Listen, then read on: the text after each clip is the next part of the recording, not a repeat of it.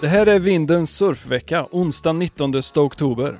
I veckans avsnitt, små surfproblem, mellandagar och ett riktigt stormöte. Men vi börjar såklart med en titt på hur surfet har varit här hemma. Det blev i alla fall två dagars bra vågor den här veckan, där söndagen kanske var den som bjöd på bäst förutsättningar, i alla fall här på västkusten. Och även Stenstranden utanför Stockholm fick en del vågor i veckan som gick.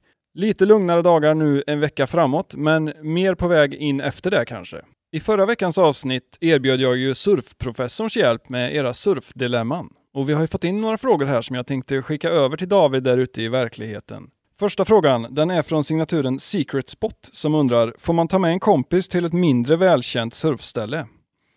Ja, det är ett känsligt ämne och en befogad fråga. Vi får höra efter vad surfprofessorn har att säga om det här. Det här är en mycket bra fråga att reflektera över då det handlar om etik inom surfet. Frågan förtjänar att belysas utifrån flera olika perspektiv och kräver därför mer tid än vad jag har tillgå just nu. Men jag ska försöka ge dig ett perspektiv på den. Ett sätt att eh, närma sig ett svar är att utgå från relationen du har med din kompis. Kan jag lita på den här personen? Kan jag lita på att personen respekterar surfetiken? Eller finns det en risk över att personen outar spottet på till exempel sociala medier? Att ge tillit öppnar upp för att få tillit. Och det är relationsstärkande. Något som också är viktigt i en relation är att ha roligt tillsammans. Så om du känner att du litar på den här personen, din kompis, så åk iväg tillsammans och ha så roligt ni bara kan. Lycka till!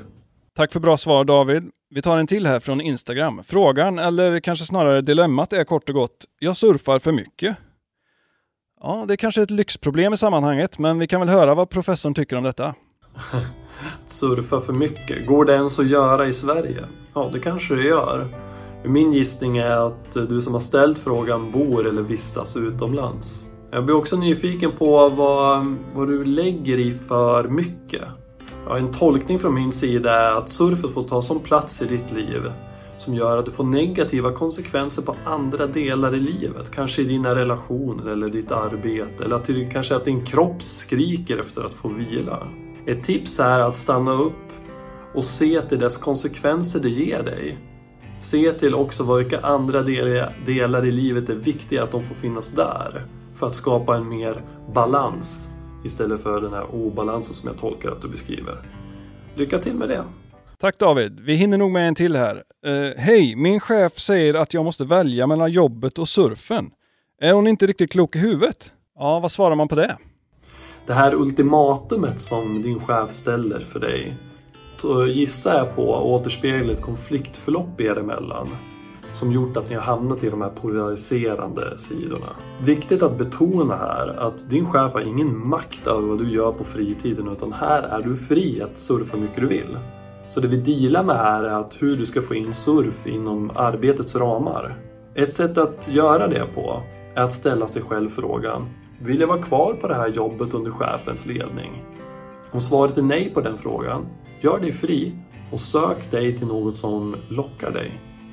Om svaret blir ja, var den större av er, bjud in till förhandling för att kunna se hur du kan få in surfet inom arbetets ramar. Lycka till med det!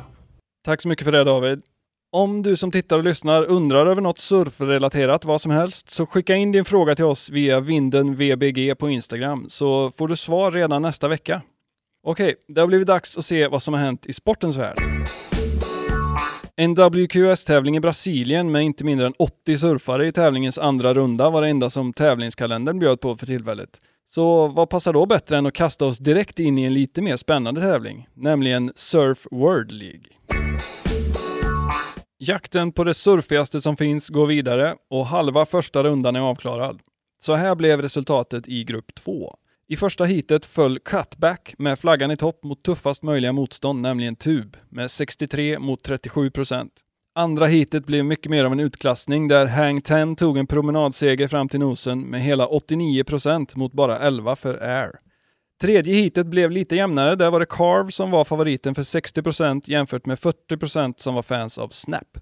Och i hit 4 var det heller inget snack om saken när Layback stilade sig vidare med 77% mot 23% för Cheater 5. I första omgångens tredje grupp hittar vi ett gäng surfiga uttryck. Och det blir lite av ett El Clasico direkt i första heatet. You möter Stoke. Två sätt att beskriva en känsla kanske, men bara en får gå vidare. I andra heatet har vi Offshore mot Chaka. Helt rätt vindriktning eller vinkningarnas vinkning. Du bestämmer. I heat 3 får vi se en match mellan Take-Off och Solo. Vad kittlar mest? Att starta en tom våg eller surfa ett tomt spot? Och sist men inte minst, Glassy vs Gnarly. Vad är egentligen surfigast en gång för alla? Cleant eller stort? Röstningen börjar nu på Vindens Instagram, så skynda dig in där och rösta och se resultatet och den sista tävlingsgruppen i nästa veckas avsnitt. Det här var allt från sportens värld över till vädret. Kommande vecka ser ganska mild ut, kanske lite vågor torsdag kväll om du är på sydkusten eller i början av nästa vecka om du befinner dig en bra bit norrut. Förutom det får vi nog sikta in oss på några vilodagar och hoppas att den där riktigt långa prognosen håller, för där ser det ut att finnas lite mer att hämta. Okej, det här var allt för den här veckan, men vi ses och hörs igen i nästa avsnitt. Tills dess, ha det bra!